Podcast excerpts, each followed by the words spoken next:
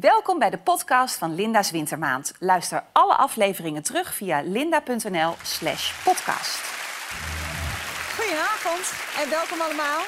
In deze donkere maand nemen elke zondagavond twee mensen bij mij plaats op de bank die we misschien denken te kennen, maar waarvan je wellicht toch minder weet dan je denkt. En hun favoriete liedjes worden ook vanavond weer vertolkt door de geweldige Mel en Vintage Future. Geef ze een applaus. Hij staat al jaren op het punt om in het huwelijksbootje te stappen. Zo.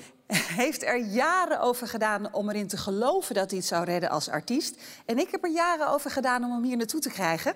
Volgend jaar wordt hij 50. En ik vind het geweldig, met een zachte G, dat hij vanavond bij mij op de bank zit. Guus Meeuwis. Hallo. Fijn dat je er bent. Ja, hetzelfde. En zij wilde kunstenares worden, maar de kunstacademie dacht daar anders over. Vervolgens was ze de allerslechtste student ever op de filmacademie... en won ze twee musical awards, terwijl ze niet eens van musicals houdt. Ze acteert, ze zingt en maakt volgens bronnen in 24 uur... meer mee dan een gemiddeld mens in een jaar. Jelka van Houten. We vinden het altijd leuk eh, om op zoek te gaan naar de eerste beelden uit iemands carrière. En wij stuiten bij jou op beelden dat je een jaar of 15 was en optrad. hele grote schrikogen. Ja. Op de middelbare school. Ehm, weet je waar ik het over heb? Ja, dat is het schoolcabaret in, eh, in, in Meersen, Ja. in Limburg. En wil je het liedje even uitleggen wat je daar zong? Nou, ik zal zo. Ik kwam uit Eindhoven van het Museum en wij gingen naar, eh, naar Limburg verhuizen. En ik kwam op school en iedereen was daar heel het jaar lang een rep en roer van schoolcabaret. En ik had geen idee wat dat was. En het jaar later ontdekte ik dat als je daaraan meedeed... dat je een hoop vrijstellingen kreeg, wat van die dan ook. Dus ik denk, daar moet ik mezelf tussen wringen. En toen heb ik een tekst geschreven op het liedje... Eén kopje koffie van eh VOF de Kunst. En het, ging, het heette Eén pepermuntje. En het ging over leraren die te dicht bij je komen om iets uit te leggen... en gruwelijk naar koffie stinken uit hun bek. Aha. Nou, daar gaan we even naar kijken. Ja. Komt-ie.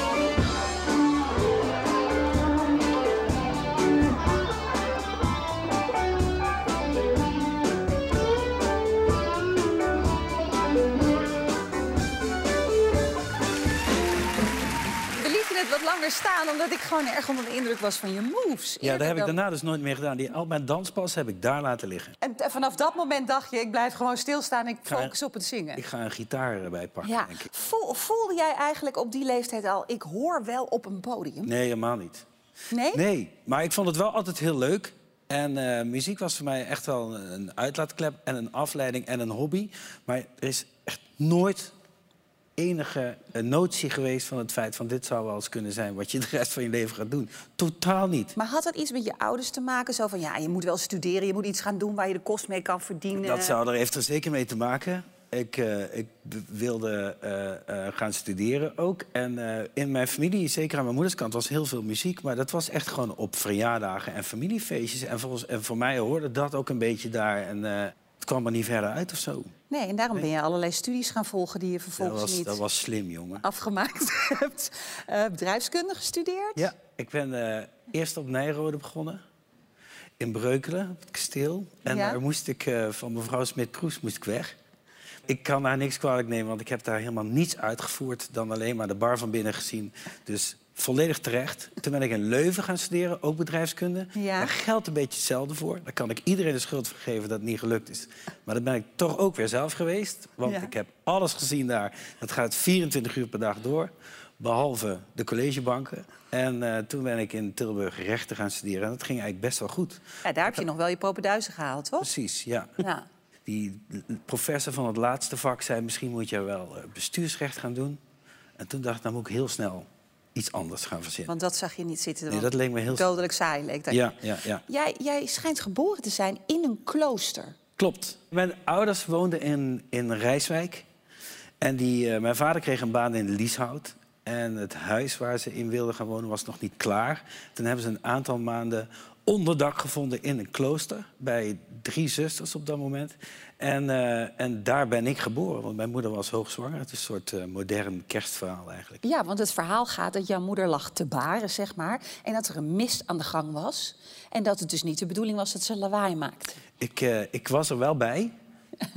Maar ik heb er geen actieve herinnering aan, moet ik eerlijk zeggen. Maar het schijnt, het schijnt dat het onder het lof is, zoals dat zo heet. En toen kwam jij en toen noemden ze jou Gustaaf Stefanus Modestus Mewes. Mewes. Ja. Naar de... De, eh, de stichter van de kloosterorde. Dat zijn de zusters van de barmhartigheid. Ik moet even goed vertellen, dames en heren. En, eh, en de stichter van het klooster heette Stefanus Modestus. Die draag ik nog altijd met me mee, met En, trots. en dat geloven ook een beetje.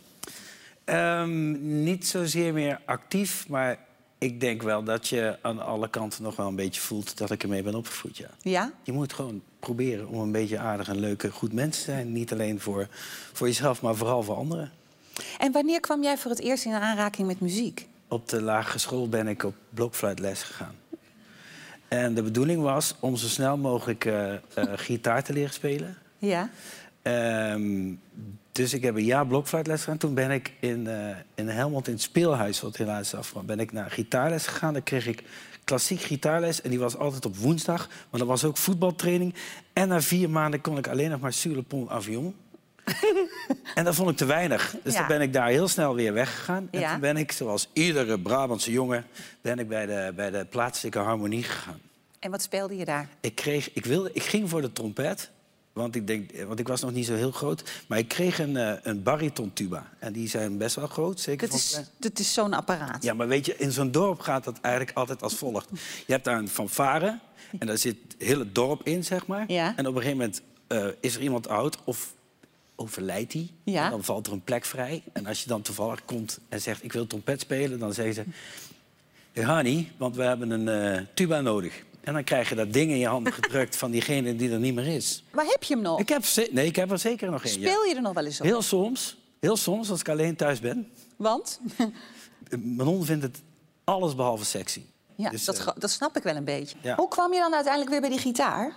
En toen ik ehm, eh, 15 was, heb ik eh, met een oom van mij eh, een eh, gitaar geruild voor een fles whisky. Dat was de deal.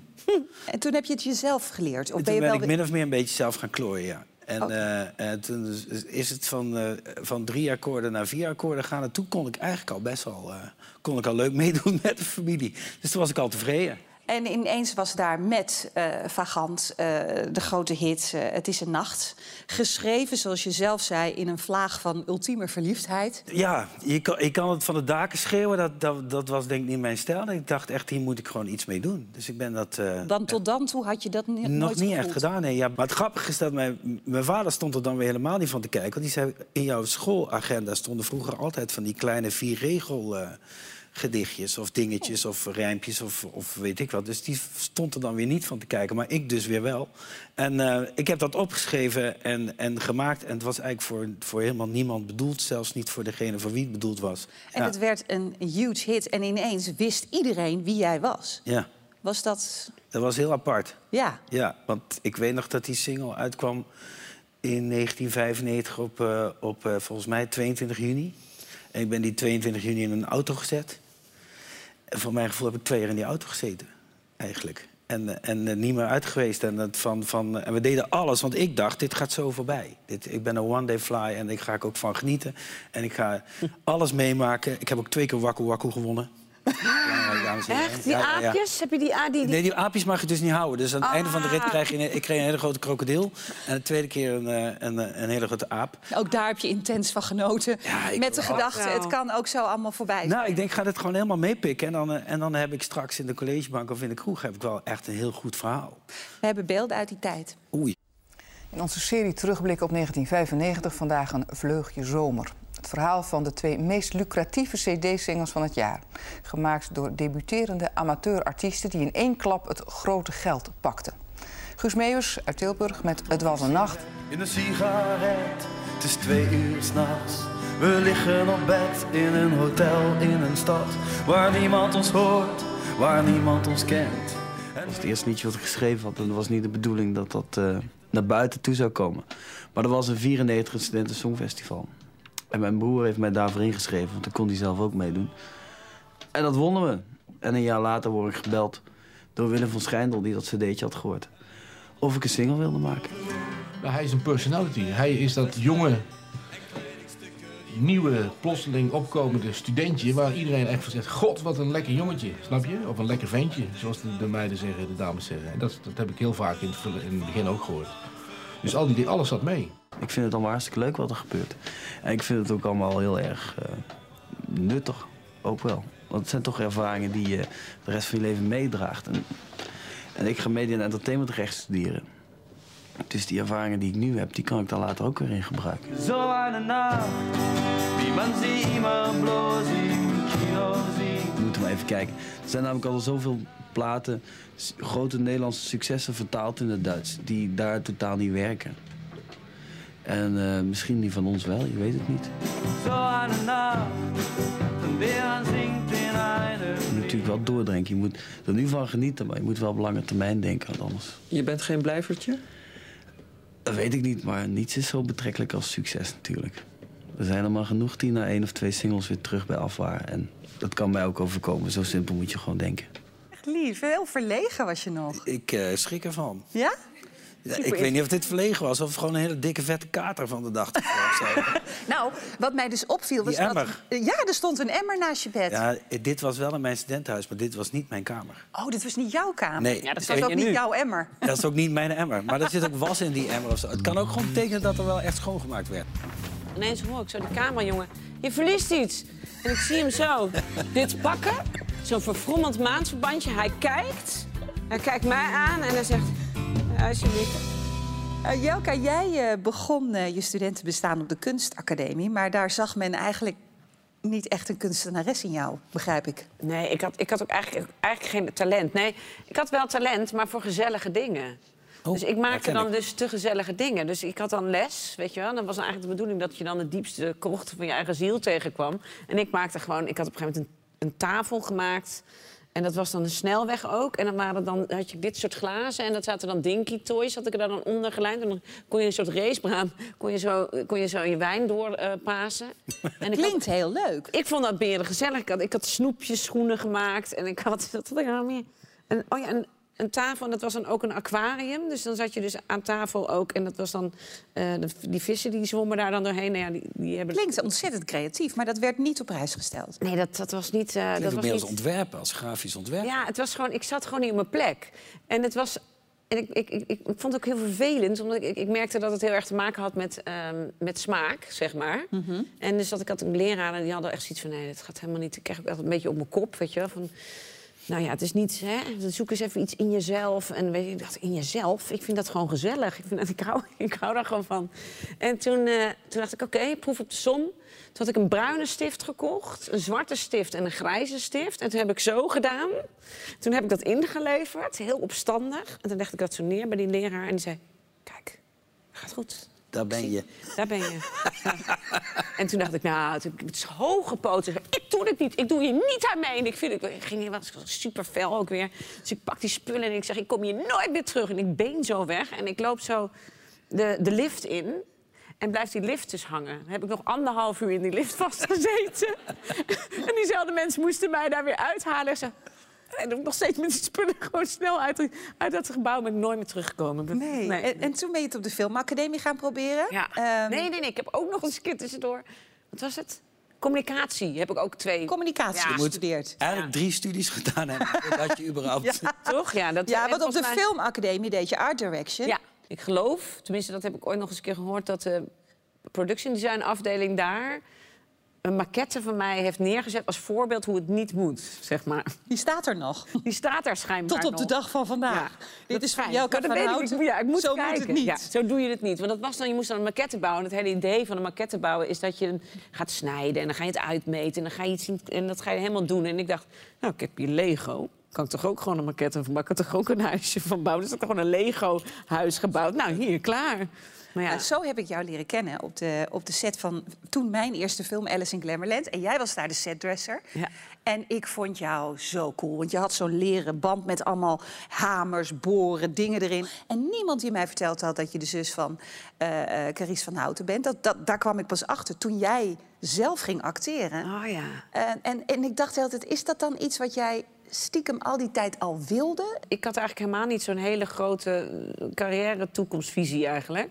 Ik vond dat heel leuk. En, eh, en zingen, dat deed ik wel altijd al. En dat was eigenlijk meer mijn grote ding. Dat was, daar was ik het meest mee bezig.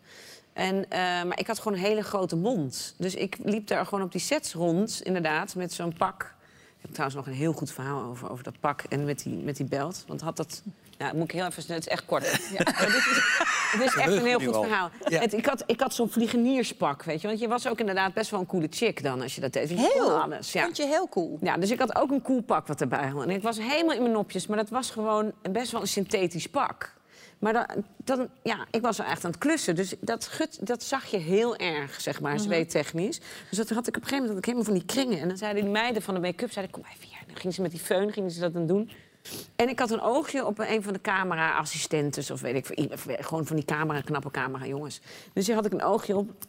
Dan ging ik heel bevallig weer iets ophangen... en ze hoop dat hij mij zag. En, eh, nou ja, en dat bleef maar gutsen. Dus eh, die make-up zei op een gegeven moment... hier heb je een maandverbandje, moet je even hier inplakken... dat eh, absorbeert goed. Ik zeg, dat is een slim idee. Dat is goed, ga ik dat doen. En vervolgens sta ik daar dus te klussen. En ineens hoor ik zo die camerajongen... je verliest iets. En ik zie hem zo dit pakken. Zo'n verfrommeld maandverbandje. Hij kijkt. Hij kijkt mij aan en hij zegt... "Ja, alsjeblieft. En ik zeg, joh. Het was een van de meest gênante momenten die ik, ik echt kapot ging. ik. Want hij dacht natuurlijk echt dat het een maandverband want Ja, dus natuurlijk. Nee, we snappen hem. dat. Maar jij Maar ik zei, dacht, niet, wat, nee. zei- zei niet, hij komt van mijn oksel. Nee, ja, wat, wat- hoe ga je dat uitleggen in twee seconden, snap je? Op een gegeven moment eh, ben jij gevraagd voor de, eh, om auditie te gaan doen voor de musical Turks Fruit. Nou, het was zo. Ik, ik had ongeveer 3,5 hernia's opgelopen op die filmsets en zo. Ik vond het echt niet meer zo leuk. En toen merkte ik dat ik, ik miste het zingen heel erg. Dat was gewoon mijn grote passie altijd al. En ik had dat gezegd tegen iemand die ik was tegengekomen op het filmfestival. En dat was een agent. En die belde mij toen ineens op en die zegt... Jel, eh, luister even, want ik had jou gehoord over dat jij weer eh, wil zingen... maar er is, ze zijn op zoek naar iemand voor eh, musical eh, Turks Fruit. Ik zeg, wat? Musical Turks Fruit? Wat? Ik zeg, wat, wat gaan ze doen dan? Wat is dat voor een raar idee? Wat ga je dan zingen? Maak Je geen die film? Ja, Ja. ik vond het zo'n absurd idee dat je van, van, van die film een, een musical ging maken. Dat ik zei, nou, dat is heel stom. En hij zei, maar je wilt toch zingen? Ik zeg, ja. Nou, eh, ga dan gewoon die auditie doen. Dus ik s'avonds die kroeg in. Ik zei, nou, dat ga ik echt niet doen. Ik vind het zo stom, ik ga dat echt niet doen. Dus ik... Maar ja, toen, ik vond het lullig om af te bellen, dus ik denk, ik ga er toch maar naartoe. En eh, ik moest een Nederlands liedje, wist ik ook niet. Ik moest een Nederlands liedje moest ik zingen. En eh popliedje. En nog iets, geloof ik. Het is een nacht. Nee, ja, toen ging ik. Toen ik- nou, nee, hier komt alles samen. Nee, Ja, zie je, nee, nee, het was hier. helaas, het was bluff. Oh. Nee, het was liefst uit Londen wat ik ging zingen. En eh, ik ken de tekst eigenlijk niet helemaal zo goed. En ik had helemaal niet goed voorbereid. En ik, ja, ik ging dat zo maar een beetje doen. En er gebeurde iets in die kamer, dus ik zong dat lied. En ik dacht, ik deed die scène. Ik denk, nou, oké, prima. En Anthony Kamerling was er ook. Vond ik ook al best wel imposant, weet je. Dus ik dacht echt, nou ja, het zal allemaal wel. En, eh, en ik ging weg en ik dacht echt volgens mij heb ik die rol. Toen dacht ik, oh nee, shit, dat moet ik naakt. En dat was, en dat was eigenlijk, zo begon het eigenlijk. Hetzelfde, daar begon mijn eh, instappen in de auto. En ik denk, ik ben er eigenlijk niet meer uitgestapt, ja. Ja, en wij hebben de beelden. Jij zat naast mij, ik zat naast jou. Ik bleef wakker tot jij sliep. Ik nam je in mijn armen, liefste. Keek omhoog totdat de hemel niet meer hoog was, maar zo diep. En ik neerkeek in het heelal. En verlangde naar de val. En we werden ouder, liefste. En de kinderen gingen weg. Deden duizend domme dingen. Maar ze kwamen goed terecht. Heb je het ooit spannend gevonden toen je ging acteren... dat je dan misschien vergeleken zou worden met je zus... die toen al een heel succesvol, geweldige actrice was? Dat dat zou gebeuren? ik moest vooral dealen met dat mensen daar iets van vonden. Of dat Ja. ze daar iets mee moesten. Of En dat het van in wilden. interviews altijd ter sprake komt. Ja, dat ik dacht, wat moet ik daar nou over zeggen? Ja, als mijn zus. Ja, eh, wat koop jij voor mama voor je verjaardag? Dat is, weet je, maar dat is voor de pers en voor zo'n... is het een heel ding van, het is een familie... maar het is niet anders dan, dan een bedrijf waar iedereen slager wordt. Of, ja. Allemaal acteur. eh, Ja, toch? Ja, ik weet het Hoe, hoe, niet. is, hoe, hoe omschrijf je jouw band met Carice? Ja. Ja, heel goed. Eh, vroeger konden we echt de haren uit elkaars kop trekken.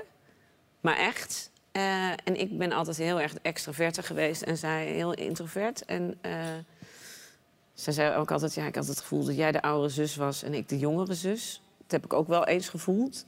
Maar ehm, ja, het, ja, ja, het, is een, ja, het is een feestje. Het is gewoon, ja, we, we hebben samen zoveel meegemaakt, maar wel... Maar als Carice heel veel in het buitenland zit, dan moet je er ook heel veel missen natuurlijk. Ja, dat vind ik wel kloten, ja. Ja. Ja, ja. Ja, dat vind ik echt heel jammer, want ik, ik zie haar daardoor echt veel minder, ja. Ja. ja. Maar goed, het is in elk geval fijn dat je uiteindelijk actrice bent geworden. Want je hebt inmiddels al een heleboel geweldige rollen gespeeld. Onder andere de rol van Jolanda in Adem in, Adem uit. eh, waarin je eh, ja, een moordende boerin eh, mocht spelen, van genoten. Ik vond het dus veel zwaarder dan ik dacht. Ja. Ik had net een baby. Was, de timing was een beetje off. Ja. Maar misschien heeft dat ook wel juist wel weer iets toege, ja, een beetje bijgedragen aan... Maar ik had wel bij ongeveer elke moord een migraineaanval bijvoorbeeld. Oh ja? Zoiets raars. We moesten heet het. Het was dit ook. Dus het was denk ik letterlijk gewoon dat je te veel daar iets. Je zat de hele tijd boos te kijken. Ja. We gaan even kijken. Ja. En u bent? Oh, sorry, dit is eh, Jolanda Beenhouwer. Is er iets? Nee? Je keek een beetje... eh, Ja. Ik heb mijn bril niet op. Heb jij een bril? Ja. Oké.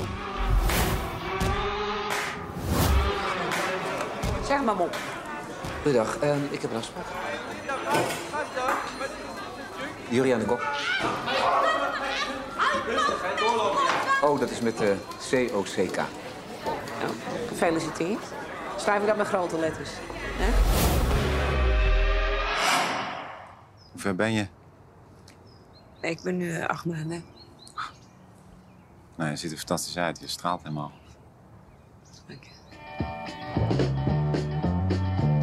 Already 14 and a half minutes after 4 o'clock, and we've got to get some meat. I've got uh, the spring rolls, and I also have uh, the chicken for you. Oh, that's a duck. Sorry. Oh shit, maybe you don't eat meat. Oh, because I didn't eat meat for a while because of the poor animals, but now I only eat biological meat. But but she, she doesn't eat meat at all. I mean, she thinks meat is bad for her. It's... Okay, you do eat meat. Ik heb vandaag mijn boekbespreking, hè, man? Oh, succes, lieverd. Hoe laat ben je? Eh, niet? Je bent toch geen kleuter? Ik moet werken, schat. Wie heeft er nou tijd voor? Eh, alle moeders. Nee, dat zijn schoolpleinmoeders. Lieverd, jouw moeder heeft tenminste een echte baan. Gadverdamme. Allemaal spuug. Hallo allemaal, kijk deze vieze dikke vent. Wat doe je in mijn serie? Geen hond die jou toch kent. Stop met acteren, wat een nare big ben jij. Ik ben Anke, deze serie draait om mij. Nee, nu naar de neutrale zone, daar mag je zwaaien, ja? De ander voor je erbij halen. Lange neus.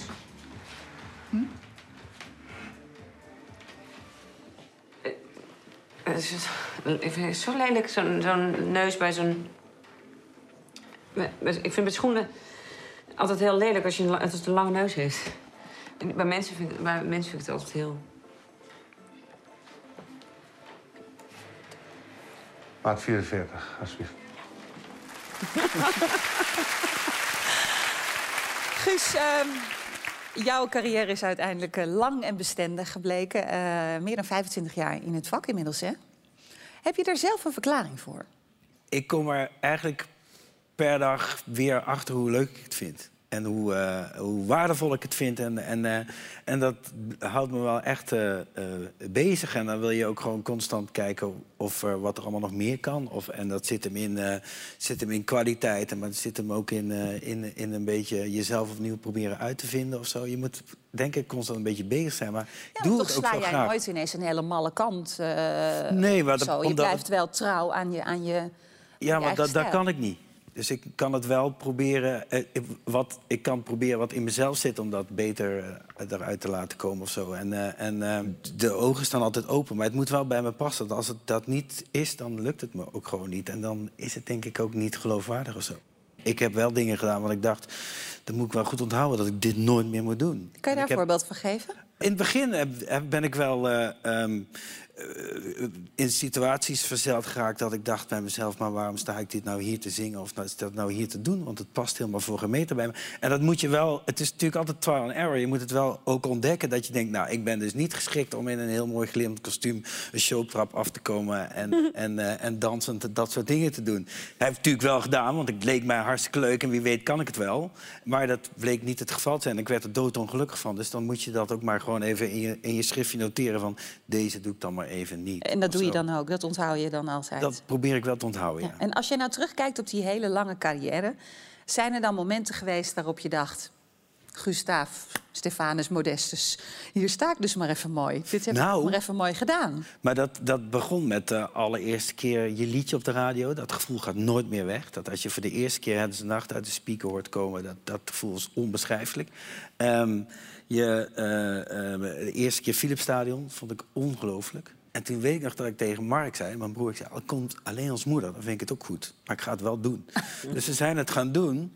En er waren drie shows. En ik weet dat ik eh, opliep de allereerste keer. Je weet bij god niet wat je moet verwachten. Dus ehm, ehm, ik ben in een soort trance geraakt. Je stond helemaal stijf van de adrenaline En natuurlijk maar ik al. dacht, ik ben niet aan het zingen. Dus ik dacht, volgens mij is dat niet aan de hand. Ik ben alleen maar aan het rondkijken. En op een gegeven moment dacht ik dat ik een ontzettende fout maakte... in een liedje of in de setlijst. En ik kijk om en ik zie heel die band, zie ik zo... eh.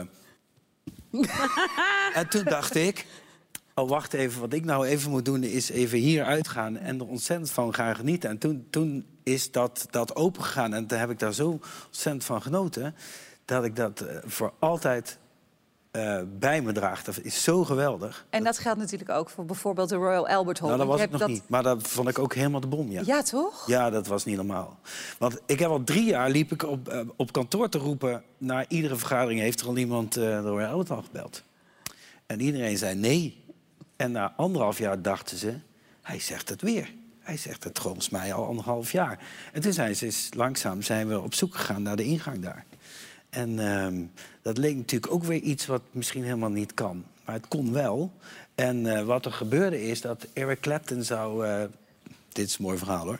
Eric Clapton zou eh, ehm, voor de 200ste en de 201ste keer optreden in, in de Royal Albert Hall. Maar hij vond 200 wel genoeg. Dus die 201ste dag die viel weg. En die kregen wij. Dus toen kregen we de poster, Eric Clapton, Guus Meeuwis, Dire Straits.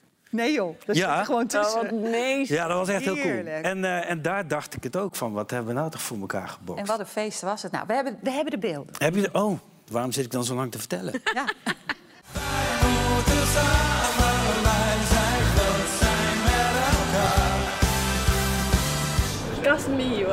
Is that correct? Gruus Riowit. Gruus Meeuwis. Good evening, ladies and gentlemen. Welcome in London. Welcome. Welcome to my dream. En voor de rest ga ik lekker verder in het Nederlands. Het dondert en het bliksem, het regent meters weer. Volgens mij hebben ze in 147 jaar uh, Royal Albert Hall nog nooit zoveel bier verkocht. Uh, volgens mij zelfs al voor de pauze was alles op. Geniet met volle. Dames en heren, zingen. En dan echt op de meest, de meest onzinnige momenten krijg ik een brok in mijn keel. Het was gewoon niet normaal.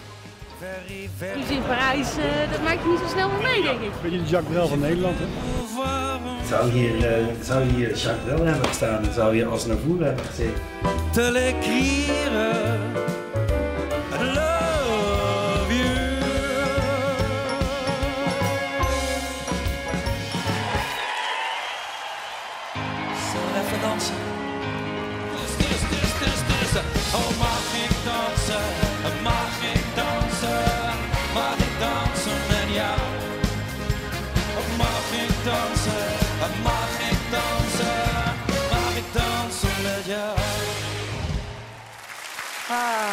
Als ik er zo naar kijk, denk ik ook, wat missen we dit toch met Niet z'n allen? Het is toch Ja. verschrikkelijk En dat een beetje- ik zo een lang niet kan. Ja, ik sta een beetje in de mopperstand. Ja.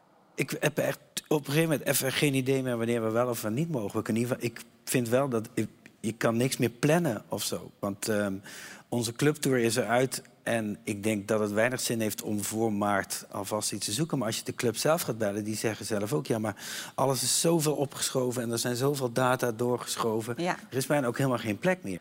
En ehm, het is, eh, we zitten niet in de vuurlinie of zo. Ik, ik zit niet in de zorg en ik zit dat niet. Maar ik, eh, eh, dus ik snap ook wel dat, dat we een stapje terug moeten. Maar ik vind het wel heel erg jammer dat ik niks kan doen waar ik heel blij van word. Ja. En dat ik mijn steentje niet kan bijdragen om het, eh Om het leuker gevoel van samen om gewoon iets leuker te maken. Nou, ik, ja. heb, ik ben heel veel in het ziekenhuis geweest afgelopen jaar. En ik, ik heb echt daar ook... Ik voelde me daar altijd heel nederig. Omdat ik dacht, ja, jezus, zit ik weer hier, weet je wel. En die, en jullie zorgen voor mij en, en, en, eh, en hè, voor mijn baby en zo. En, en ik heb bijna, bijna iedereen heeft gezegd... maar in godsnaam mag ik weer naar de bioscoop. In God- juist in de zorg. oh, Ik, ik heb dat nodig om me op te laden. Ja. Om dit te kunnen doen. Het- Terwijl ik alleen maar dacht, ja, ik moet me omstaan laten scholen. Ik moet ik, weet je, ik ben Ja. Moet de zorg in. we moeten zorgen, we moeten, kom op, we moeten allemaal front op. Nee, zeg maar natuurlijk Maar- heeft, heeft dat ook een enorme functie. Een heel ander thema. Eh, Jelke, uit, uit wat voor gezin kom jij? Heb je even? Eh, eh, uit. Goed. Ja, ja, even, oh ja, lekker. Ja, Ehm, oh, heb daar. ik dat? Ja? Ja. Oh, Proost. ja, nou, cheers. Cheers. Nou ja, dan beginnen we al. Mijn vader was een alcoholist, je? Nee. Ehm, nee, even kijken. Ja, wat voor gezin? Ja, mijn, mijn vader had volgens mij al een affaire met de kraamhulp.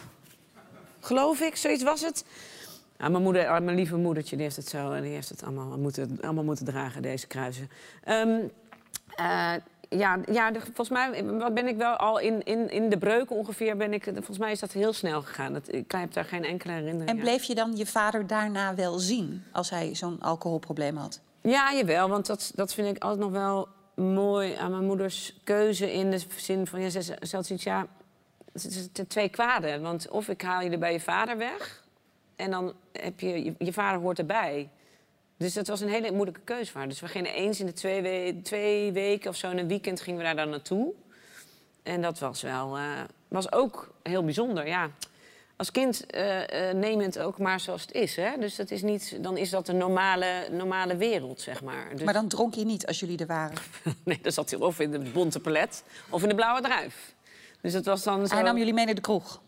Eh, ja, ja we, we leefden dan wel met hem mee in de, in de kroeg, ja. Ik En jouw moeder ehm, eh, bleef dus achter met jullie en werkte fulltime om, om, om de kosten te verdienen? Ik heb mijn moeder altijd best wel... Die kreeg altijd de volle laag. Want zij was natuurlijk degene die thuis was. Of die, hè, die, eh, die, die er was. En, eh, eh, maar achteraf gezien... Heb, nou, ze was er dus niet eigenlijk. Want ze werkte en ze studeerde. Dus ze, eh, ze, ze moest eigenlijk heel veel schulden aflossen van mijn vader. Ze hadden, ze hadden gewoon nou, een huis gekocht. En dat was dan allemaal, weet ik veel, in die tijd... Ja, ze ging scheiden en er was, eh, dat huis moest worden afbetaald. En dat, eh, en dat, eh, en dat moest zij doen. Ja. Dus zij is, gaan, zij is gewoon heel hard gaan werken. Dat betekent natuurlijk wel dat wij haar natuurlijk ook heel weinig zagen. Ja. Dus voor mij was dat wel dat ik dacht, ja, wat, wat heb ik eraan? En, en, en, en je vader speelde die verder een rol in je leven? Ik bedoel, kwam hij wel op je verjaardag? Was hij wel betrokken bij de opvoeding, in welke manier dan ook? Ja, ik... Nee. Ja, nee, ja, maar het, is, het was een beetje een, een heel groot klein kind. Dus, dus, eh, dus eh, het was een soort van... eh, ja, je moet je voorstellen, het was een beetje zo'n Schots mannetje... met een rode baard en een hele grote dikke buik. En, en, en een tasje, een Albert Heijn tasje met biertjes en een krantje... en een hondje of één, twee, drie of vier hondjes. En, en dat ging dan de hele wereld over. En, het, en je had geen idee waar hij zat eigenlijk. En ook niet precies wat hij nou deed. Hij, en dan had hij, dan had weer... Nou, woonde op zo'n zolderkamertje echt. Het was echt gewoon zo'n... En Ah. is die band, die band is nooit helemaal goed gekomen? Ook niet op het eind van zijn leven? Eh, nou, ja, dat is wel bijzonder, want... Nou, ik heb het niet... Nou, hoe moet ik dit uitleggen? Ehm, ik heb hem ook wel jaren niet gezien, dus dan wilde ik hem niet zien. Of dan, dan was er geen contact, of dan, het was gewoon moe- echt moeizaam. Echt moe, moeizame band. Maar ehm, dus toen werd hij ziek en toen eh, moest ik daar natuurlijk iets mee. Dus ik dacht echt van, ja, hoe ga ik dit doen? Want ik, ik wil hem helemaal niet zien eigenlijk. Maar ik moet hem verzorgen. Want zijn buurman meldde regelmatig van... dan stond hij in de sloot. Of dan, want dit altijd, was altijd gedoe. Dus, ehm, dus toen ben ik eigenlijk heel veel... eh, toen ben ik heel veel familieopstellingen gaan doen. En dat heeft mij daar echt helemaal doorheen getrokken. Want dan kan je een soort therapie doen waar iemand eigenlijk helemaal niet Ja, bij is. Dus ja. ik heb mijn vader zette ik elke keer stevast zo ergens in de hoek zo. En daar werd je milder over in je, in je denken over je vader. Ja, en in één opstelling stond ik voor vader. Ik dacht, waarom sta ik nou voor vader? En ik stond stil en ik voelde gewoon aan alles... Ik, echt verdriet van, ik wil heel graag daar... Ik kan het niet. En dat was voor mij een heel... Eigenlijk was dat het enige wat ik nodig had om te beseffen van... Hij kan oh, het niet. ik hoef niet... Hij kan het niet. Nee. Hij, het is niet dat hij niet wil. Of, dus ik kon helemaal loslaten dat hij niet op zijn sterfbed nog eens een keer zou zeggen... ik hou van je en al dat mooie. Dat gebeurde niet. Hij zei, godverdomme, en hij ging ongeveer dood. Ongeveer was dat ongeveer. Maar er gebeurde wel heel erg wat met mij. Omdat ik gewoon heel... Ik kon hem helemaal omarmen wie hij was. En dus op het moment dat hij doodging... was het voor mij alsof mijn vader geboren werd. Ja. Dus ik zag echt een late adem zo uitblazen. En ik dacht, zo, nou heb ik je voor altijd. Zei, oké, wat wat wil je? Wil je een puppy of wil je een kind? En eh, een puppy? Ik zeg, maar dan gaan we niet nog een, een baby. Want een puppy vind ik ook een baby.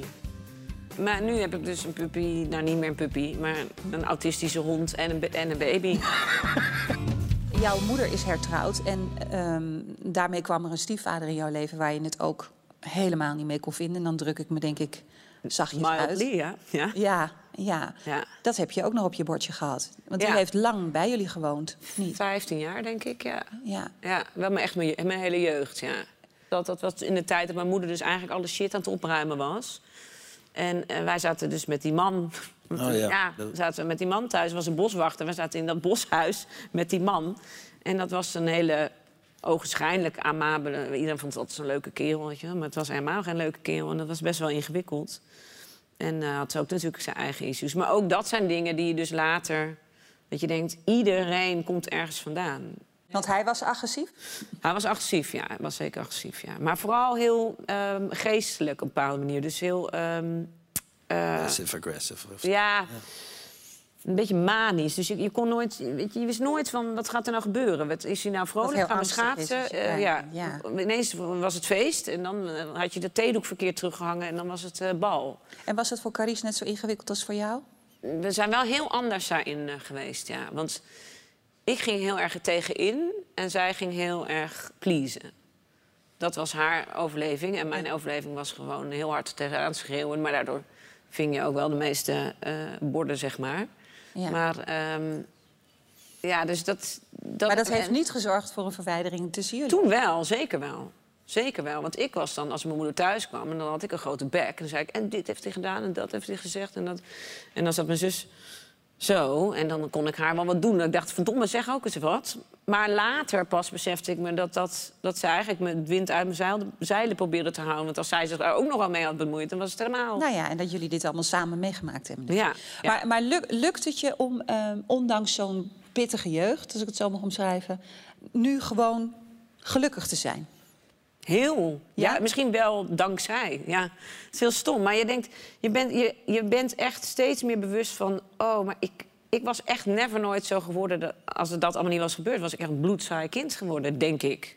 Had ik nu echt een heel saai mens geweest, denk ik. En het heeft jaren therapie gekost, maar nu zit je goed. Ja, therapie is feest. Ik vind het, ja, ik ben heel... Ik vind therapie, jongen, ik kan het iedereen aanraden. Ik vind het echt fantastisch. Ben jij wel eens in therapie geweest? Zeker.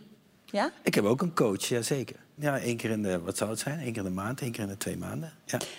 Joke, jij bent een enorme muziekliefhebber. Toen we jou je favoriete liedje eh, vroegen, toen eh, gaf je een lijst... daar hadden we de hele avond mee kunnen vullen. Ja, dat is een onmogelijke vraag. Ja, Ja. Maar, je, maar er kwam heel veel country in voor. Eh, je hebt zelf ook een heel mooi album gemaakt. Heel Ehm, waar komt die liefde voor de, voor de countrymuziek vandaan? Nou ja, dat, dat is wel heel erg gerelateerd aan mijn vader toch wel. Mijn vader die was gewoon eh, heel erg van de eh, Russische zware eh, klassieke muziek. Maar dan had hij dus die platenkast. En je wist eigenlijk altijd van als die muziek komt... oh god, dan hebben we zo'n... weet je, of dan heeft hij een kater of whatever. Dan wist je, dit wordt niet zo'n goede dag. Maar dan had hij één plaat van Dolly Parton... En dan zette die Applejack op in de ochtend. En dan wist ik, oké, nou, hebben we een goed, nou krijg ik chocomel, dan krijg ik een biefieworstje.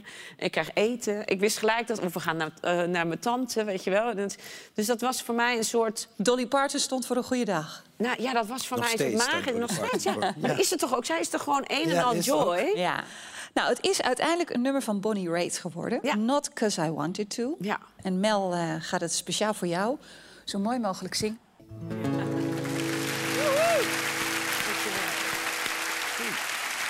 Thank you very much.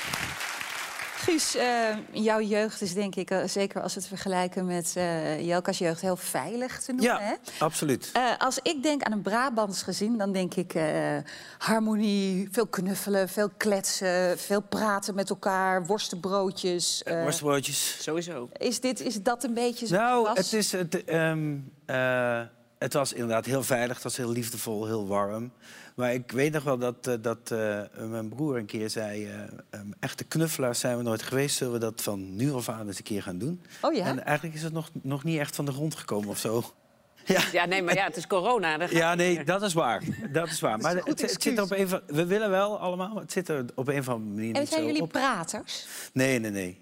Nee, ook niet echt. Nee, dat, eh, op een of andere manier eh, eh, heb ik dat wel iets later moeten... Ik ben het in ieder geval niet, laat het zo zeggen. Mijn moeder kan het weer beter, mijn vader is ook niet zo'n prater. Ik lijk dan ook, dan denk ik wat meer op mijn vader. Ik heb het wel echt moeten leren ook. En, de, en mijn moeder zegt altijd, als je wil weten hoe het met hem gaat... dan moet je maar naar zijn liedjes luisteren. Daar heb ik me ook heel lang achter verscholen. Maar op een gegeven moment kom je daar niet meer mee weg natuurlijk. Nee. nee dan moet je wel openen. En, en, en wanneer is dat gebeurd? Nou, kijk, na, na je scheiding, dan moet je natuurlijk wel iets gaan doen. Het is niet zo dat je dan stil kan blijven zitten. Dat, dat is ook waar die coach eh, erin is gekomen. Dan moet je ook wel een beetje aan jezelf gaan werken. Dan moet je ook wel gaan kijken waar bij jou eh, zat, eigenlijk. En ehm, ik eh, merkte wel dat het bij mij zat, omdat ik heel veel binnenhield of zo. En, Omdat je heel veel? binnenhield. Gewoon dat ik Ja. zelf wilde verwerken of zo. En, eh, en ehm, toen kwam ik mijn hond tegen. Ja, die, die kan het als geen ander. Dus die heeft me daar in eerste instantie toch wel heel erg veel bij geholpen. En, nog je- steeds. En, eh, en eh, het lucht ontzettend op. En dan samen met die coach begin ik er langzaam wel te komen. Dus als je nu al weet hoe het met me gaat... kun je nog steeds naar mijn liedjes luisteren. Maar je mag het ook vragen. En dan krijg je ook wel een antwoord. Dat Ja. is ook wel fijn. Lijk je, lijk je het meest op je vader? Is Dat wat denk ik. Ik weet het. Qua karakter? Ja, dat denk ik steeds meer, ja. Ja? Zo, ja. Maar qua uiterlijk ook. Want ik zag een foto. Moet je even kijken. Ja, ook wel eigenlijk, hè? Ik, vind, ik vind het echt ongelooflijk, de gelijkenis op deze foto. Ja. Ehm, nou, jouw ouders zijn, zoals het een katholiek gezin betaamt, altijd bij elkaar gebleven. Heeft dat het extra moeilijk gemaakt voor jou? Heb je er extra lang mee geworsteld om die Ja. beslissing te nemen om een punt dat, achter ja, nou, te zetten? dat niet alleen daardoor. Je bent, bent daar zelf natuurlijk ook wel gewoon eh, eh, heel lang mee bezig om, eh, om, dat, om die beslissing te nemen. En, eh, en dan neem je toch ook wel in je achterhoofd mee wat, er, eh, wat je mee hebt gekregen, zeg maar. En dan Ja. is het van, moet je het niet nog een keer proberen of heb je het wel alles aan gedaan? Want zo ben je opgevoed. Ja, dat is wel zo wat het is. En, eh, en, eh, maar uiteindelijk zijn zij een enorme steun geweest in de Ja? keuzes die ik Vond gemaakt je het moeilijk om tegen je ouders ja, dat is wel lastig, ja.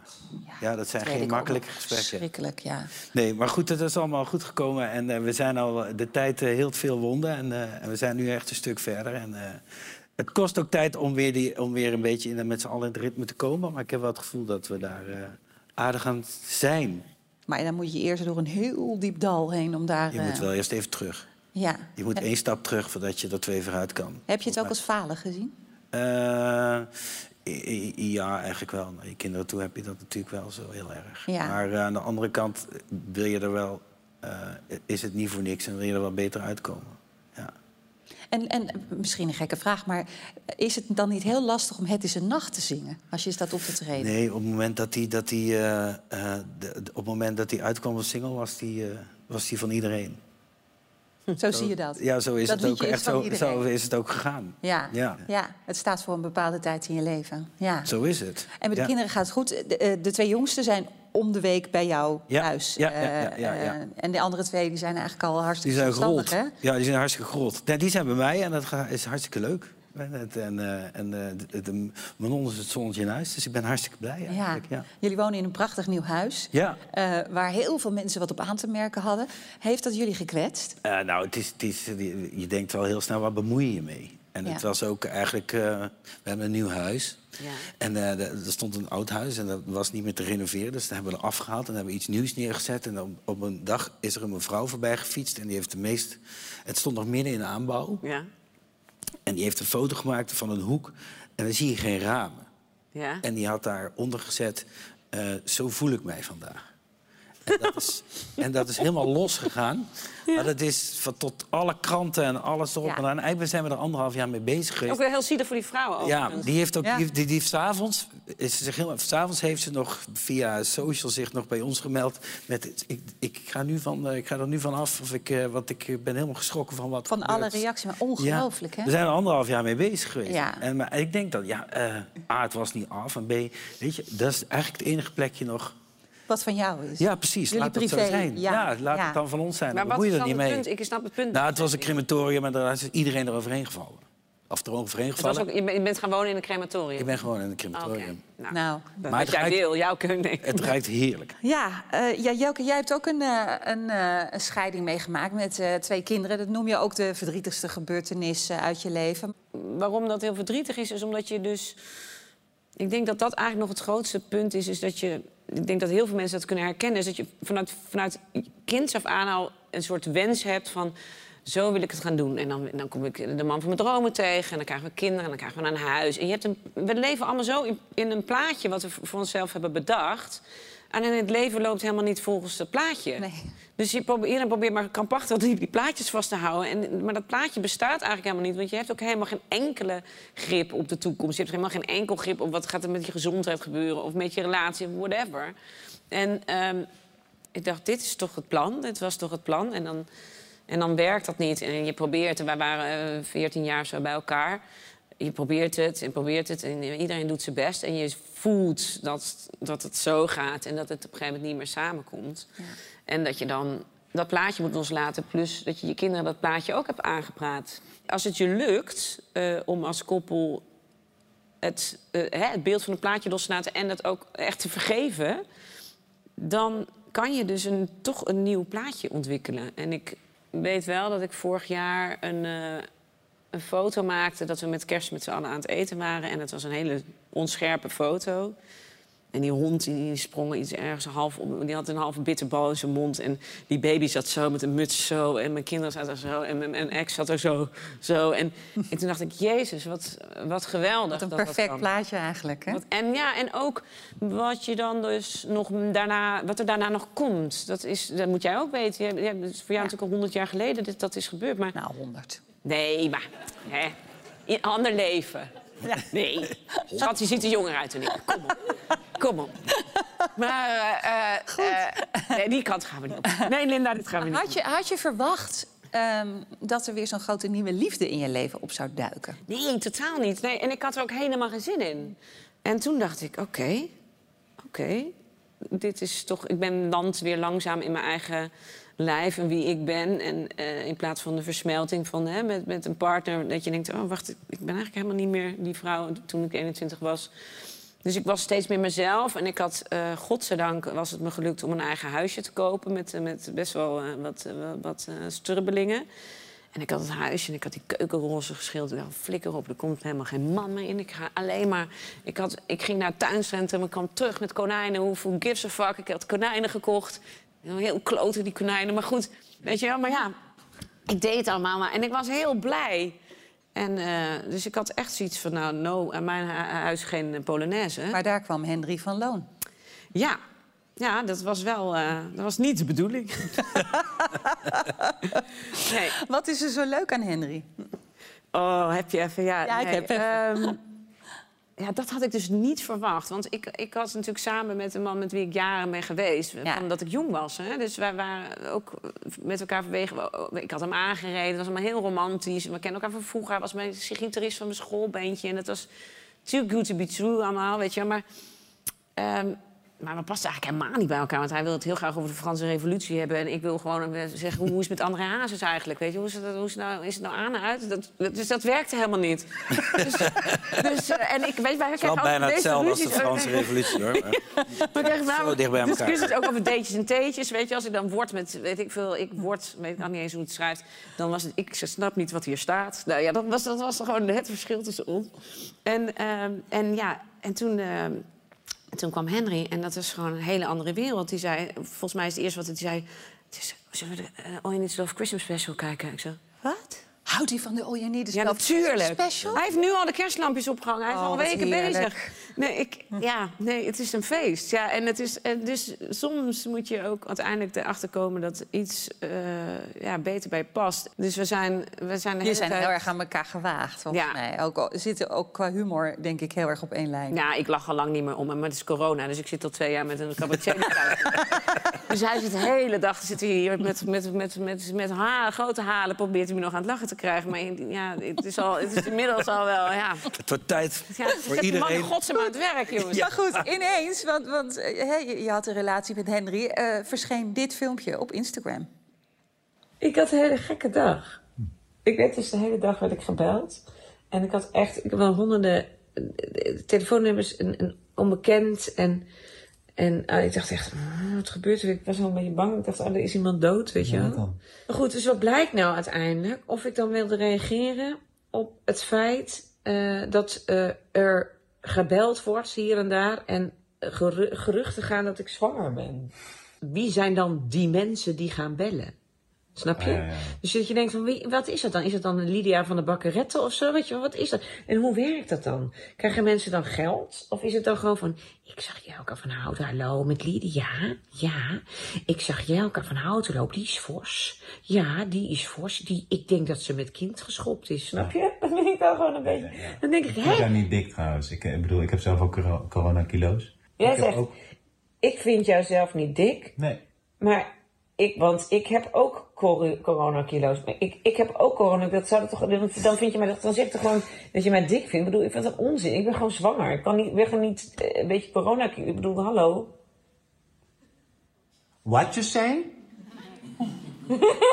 Wat? What? Ik weet niet. The rumors are true. Welke rumors? So Lydia from the bakkerij de Point. you are pregnant? Ik hou van jou. Wat een manier om je zwangerschap eh, de wereld in Een te goede gooien. manier. Ja, een hele goede manier. Eh, maar ik vond het wel opvallend toen ik dit hoorde, dat je weer zwanger was. Want ik, ik weet een beetje hoe jouw vorige twee eh, bevallingen waren gegaan. Bij de eerste ben je letterlijk bijna dood gegaan. Ja, dat was wel een pittige, ja. Ja.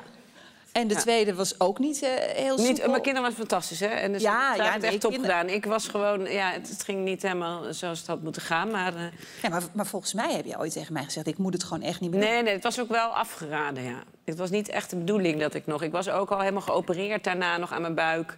Eh, zo van, maar dan mag je niet meer zwanger worden. hè. Als je deze operatie hebt gehad, dan mag je niet meer... Nee, nee, nee. nee Maar dat nee. deed je wel. En wat was de... Wat, wat, hoe dacht je? Nou, het is sowieso heel raar. Ik heb altijd het gevoel gehad dat ik drie kinderen zou hebben. En, maar dan niet zozeer van, oh, ik, krijg, ik denk dat ik niet op die manier... Maar ik had altijd, ik, krijg, ik zag gewoon, ik heb drie kinderen. Dat zat in jouw plaatje. Ja, maar ook in het, mijn systeem. Dus ik dacht ook de hele tijd, ik mis een kind. Dat heb ik gewoon de hele tijd gehad. En toen eh, kreeg ik met Henry. En ja, hoe hij ook met mijn kinderen eh, omging vanaf dag één al. En hoe dat allemaal gewoon loopt. En, ja, en ook gewoon de liefde die ik met hem heb. Dat ik dacht, wat erg dat ik met jou dit dan niet meemaak. Dat, dat kon ik gewoon niet verkroppen. Maar ook niet het feit dat ik hem eh, eh, zo leuk vind met kinderen. Ehm, dat ik dacht, wat erg dat jij dat dan nooit gaat meemaken. Want jij bent zo fantastisch met kinderen. Dus het was eigenlijk meer mijn ding van ja. Je gunde het wil je? Wil je een puppy of wil je een kind? Ja, ik wil, ja, nee, voor mij, ik ben dan gelukkiger met dit en ik vind, ben ook gelukkig met jouw kinderen. Ik vind het allemaal goed. En, en een puppy, ik zeg, maar dan gaan we niet nog een, een baby. Want een puppy vind ik ook een baby. Maar nu heb ik dus een puppy, nou niet meer een puppy, maar een autistische hond en een, en een baby. ja, maar ik dacht ook echt van ja, of het gebeurt wel of het gebeurt niet. Ja. En als het niet gebeurt, is het ook goed. Maar Het gebeurde. het gebeurde, ja. Ja. ja. wel degelijk, ja. Bij jou, Guus, kwam eh, Manon Meijers op je pad. Dat werd eh, jouw nieuwe liefde. Inmiddels ook niet meer zo nieuw. Hè? Want, eh, Nee. hoe- hoe- hoeveel jaar zijn jullie alweer bij elkaar? Nou, wat zou het zijn? Vijf zo, denk ik? Ja. Ja, zoiets. ja wa- wat maakt jullie zo'n goede match? Eh, nou, wij kunnen ook in eerste instantie heel erg goed eh, met elkaar lachen. Dat is sowieso, ik vind haar super knap en mooi en lief en intelligent en slim. En we kunnen het he- echt heel goed met elkaar vinden. Maatjes. Echt heel goed. En dat is toch wel echt wel heel eh, fijn. Ook. En die bruiloft is inmiddels hoeveel keer uitgesteld? Twee, drie, dit, ja, drie keer al. Drie keer. Dat is Ja. toch wel mo- moedeloos van te worden, hè? Daar word je wel redelijk moedeloos van. Ja. Ja. We, schuiven, we zitten al sowieso een beetje op uitstel, afstel. Maar ja, nou ja, je, je kan het aardig volhouden met, met de zin... eh, we hebben hem nog te goed. Ja. Of wat in het vat zit, verzuurt, niet. Maar ik ben er echt helemaal klaar mee met die uitdrukkingen. Want het vat moet leeg onderhand, denk Ja, ik. Dat, ook leuk om eeuwig eh, verloofd te dat zijn. is ook leuk. En vind je het belangrijk om het nog een keer officieel te maken? Eh, Waarom we trouw? vinden het vooral heel leuk om het, eh, om het eh, nog het een te keer vieren of- om eigenlijk. te vieren te maken. En, en, eh, en eh, nou ja, ik, voor mij was het vrij snel. Ik wist dat Manon het heel graag of ook een wens was, maar voor mij was het ook echt gewoon meteen. Dat gaan we ook gewoon echt doen. We gaan het doen. Ja, we gaan het doen. En, en, en, en zo, eh, zo tof en zo eh, leuk mogelijk. Ja. Mensen zeggen altijd Guus geluk of zo, dat het allemaal komt. eh, dat het allemaal niet zo. eh, Dat het je allemaal aankomt waaien. ja, maar dan vergissen ze wel dat er best wel heel veel diepgang zit in, in geluk. Zo. Zo. Zeker. Bam. Ja. Wat is eigenlijk de grootste misvatting over jou? Mensen zeggen altijd Guus geluk of zo, dat het allemaal komt. eh, dat het allemaal niet zo. eh, Dat het je allemaal aankomt waaien. Ja, of dat het allemaal een beetje oppervlakkig is of zo. Dus, eh, Maar ik begreep ook dat theaterdirecteuren bijvoorbeeld in het begin het wel lastig vonden om jou Ja, te programmeren. Zo van, wat, wat is het? Wat, Wat komt hij nou doen? wat- ja. ja. Maar daar heb ik zelf heel hard aan meegewerkt. Door de eerste vijf jaar, zeker tot, tot, tot in 1999 kreeg ik stemproblemen. En toen kon ik eens over nadenken wat er, wat er, wat er allemaal gebeurd was. En, en de rest van de band was dik aan het afstuderen. En die wilde eigenlijk ook een andere carrière.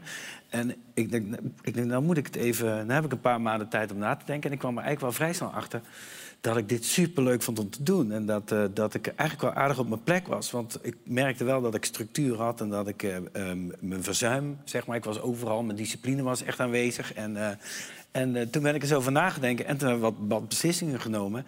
En eh, uiteindelijk leidde dat tot een eerste theatertour. En ik weet nog dat het een kleine comedie was. Dat die meneer Nuissel zei tegen mij... als je hier alleen komt om een paar liedjes te zingen... dan was dit de laatste keer. Maar gelukkig, gelukkig had ik me goed voorbereid. Samen met eh Bavo Galema onder andere hadden we een heel mooi theaterprogramma gemaakt... met een kop en een staart. En eh, vanaf daar is het eigenlijk wel... Dat vond ik fijn. Toen heb ik ook geleerd dat, dat eh, voorbereiding... of ergens even flink over nadenken... en dat goed, goed uit te voeren... dat het echt wel heel belangrijk dat het bijna eh 90% is van de, van de job eigenlijk. Maar je zei net toen ik zei van wat is de grootste misvatting over jou... dat het zou kunnen dat mensen zouden denken dat je oppervlakkig bent. Maar Omdat... dan vergissen ze wel dat er best wel heel veel diepgang zit in, eh, in geluk. Zo. Zo. Zeker. Bam. Ja. Ja. En wat mij heel erg opviel en wat ik heel erg leuk vond... was dat jij bij Johnny in half acht een gezongen column Ja. eh, bracht. Ja, En dat was eigenlijk bijna ineens een soort protestsong. ja. Althans, zo voelde het voor mij. Ja, ze voelden het ook. Maar met Johnny heb natuurlijk dat, ook dat programma gehad. En toen zei hij al, dat is vier, vijf jaar geleden zo... Toen zei hij, als ik, ehm, als ik ooit mijn eigen praatprogramma krijg... een talkshow, wil niet toen al... wil jij dan de band zijn? Ik zei, ja, dat wil ik. Maar op een gegeven moment dus belde hij eh, een half jaar geleden... zei, het gaat gebeuren, ik krijg gewoon mijn eigen talkshow. En jij zou... Ik zei, ja, dat klopt en dat ga ik ook doen. En toen hebben we gesproken. Zei, dan vind ik het leuk om eh, muzikaal een beetje in te haken... op wat er, wat er gaat gebeuren. En zo is die muzikale column ontstaan. Nou, en dat dit, dit, dit, dit, eh, deze column, gezongen column, ging heel erg over ehm, de traagheid van de formatie. Ja. Daar heb je je over op zitten winden, dus Ja, duidelijk. ja, ja, ja. Waar ik me aan stoor is, is eh, dat eh, het lijkt wel of mensen elkaar niet meer gunnen dat ze iets, iets mogen, iets hebben, iets kunnen en iets vinden. Want het wordt meteen, als je maar één fout is, eh, is volgens mij een negen, maar het is Ja. nu meteen gelijk eh, exit en wegwezen. Ja. En dat vind ik ik echt een beetje eens. jammer. We gaan even kijken naar die eh Ja, doe dat. bij Johnny.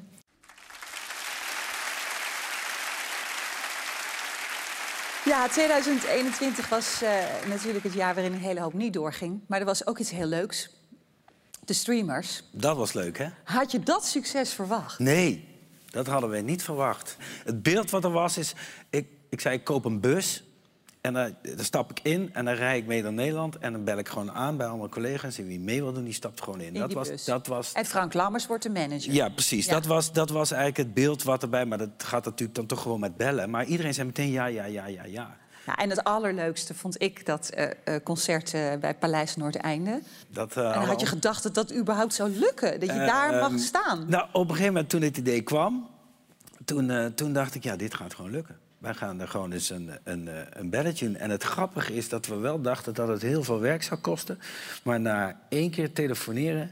ehm, en eh, was het niet wanneer we het gingen doen... maar waar we het gingen doen. En het werd bij de stallen, geloof Het werd ik. Hè? bij de stallen. We hebben ook nog in de balzaal gestaan. En, eh, maar dat pasten we niet in met z'n allen. En, de, en de koninklijke familie gaf acte de présence. Die waren er ook. Die wilden ook Ja. eigenlijk niet meer weg. Maar hij moest. Ja, Ja, Dat mocht want niet. hij moest eh, zijn verjaardag vieren. Ja, het was ongelooflijk leuk. Mensen hebben er zo van genoten. Maar er was ook een afscheidsconcert in de Kuip. Ja. Is dat echt het einde van de streamers? Of was dat een soort van, nou... Ligt eraan hoe lang de coronatijd duurt, of niet? Ja, dan weet je wel. Maar ehm, ehm, eh, dat, ah, je had het al een beetje kunnen zien... ehm, dat er eh, iets aan zit te komen. Een nieuwe... Er zit nog iets. Er zit nog iets. Er zit nog iets onder in het vat. Laten we zeggen dat we weer in de bus zitten. Echt? Dat we aan het overleggen zijn hoe het en waar we het gaan doen. En heb je ook al een locatie in je hoofd? We hebben alles al een beetje... Oh, bel dan ook bij mij aan. Ik was zo, ik was echt Ja, ja, je zei het net. Serieus, ik heb echt zitten kijken, toen heb ik het uitgehaald. Ik zat echt zo in bed, zo, weet je, zo half laatst, laat, nee, anti-bezwangerd. Te voelen me dat nou gewoon klaar met zwanger zijn. Ontzwangerd, ja. Ontzwangerd. En ik zag, ik zag Thomas, en Thomas is natuurlijk mijn, mijn Thomas. Ik heb natuurlijk nog nooit zo vrolijk gezien. Ik zei, wat? Ik zag eerlijk dat iedereen had zoveel lol dat ik echt dacht... Ik voelde me echt gewoon zo niet uitgenodigd. Nee, niet dat ik er daarvoor uitgenodigd maar, maar ik voelde me wel echt alsof ik het, het feestje miste. Dus Ja. ik dacht, oh... Ja, nou, zo, zo voelde het volgens mij ook wel. Toch? Nou, we- wij waren wel op dat feestje. En Ja, dat, was bedoel ik. Ja, nee.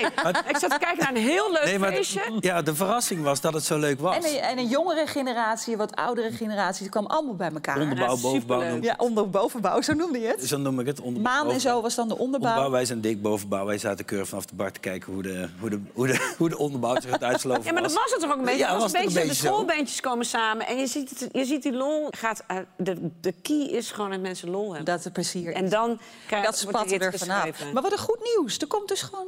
Ja, je hebt een primeur. Nou, dat is ook wel eens lekker. Ja, dat is ook wel fijn voor jou. Ja. Goed, eh, we gaan naar jouw lievelingsliedje luisteren, Guus. En dat is eh, van Bruce Springsteen, The River. The River. Komt-ie aan. Dankjewel. Nel en. Picture. Ja, we zijn er bijna, jongens. We gaan zo nog even naar de stomlijstjes kijken. Maar ehm, ik wil nog wel even weten hoe jullie terugkijken op het afgelopen jaar. Als je het een cijfer zou moeten geven, Jelka. Hebben we dan een voldoende te pakken? 8,5 wel. Terwijl het wel een, een, een jaar was van herstel, begreep ik. Want je, bent wel, je moest wel bijkomen van die bevalling weer. Ja, dat ook wel fysiek. En, eh, en eh, allerlei eh longembolieën en shit achter de rug. En, en dus het was allemaal best wel veel. Maar ehm, ja, ik ben vooral echt heel dankbaar. Want we hebben het allemaal weer gered. Ik ben hartstikke trots op hoe we dit, eh, dit jaar... eh, en eerste jaar met een baby. Ik bedoel, mensen die dat hebben meegemaakt... je bent eigenlijk niemand. Nee, je bent er Dus- even niet. Nee, en ik heb inmiddels toch wel weer nieuw behang op mijn muren geweten te behangen. Ik heb alles weer verbouwd. Ik, eh, ik vind eigenlijk ben de best wel... 8,5. Nog een rol de gespeeld. 8,5. Ik heb eh, gelachen thuis. Ik, eh, ik ben eigenlijk heel gelukkig, ja. Nou, en jij, Guus? Ja, ook wel een dikke voldoende, toch wel. Ja. Ja, omdat je... Ik, weet, ik wil gewoon heel graag dat het een dikke voldoende is. Ja, ja. Ik kan ook heel erg kijken naar, nou ja, maar dit is niet door en dit is niet door. En dan zal ik het een dikke vette drie geven. Maar als ik inderdaad zie wie er allemaal nog is, hoe verliefd en, eh, en leuk het allemaal nog is, een mooi nieuw huis. eh, ehm, hoe we er eh, toch nog met z'n allen voor staan, zonder kleerscheuren, dan maak ik er toch nog wel een, Toch nog wel een dikke. een 7,5. We gaan naar jullie stomlijstjes kijken. Eh, ik begin even met het lijstje van Jelka. Ehm, dat ik meeneem koffiebekers vergeet af te wassen. Ja.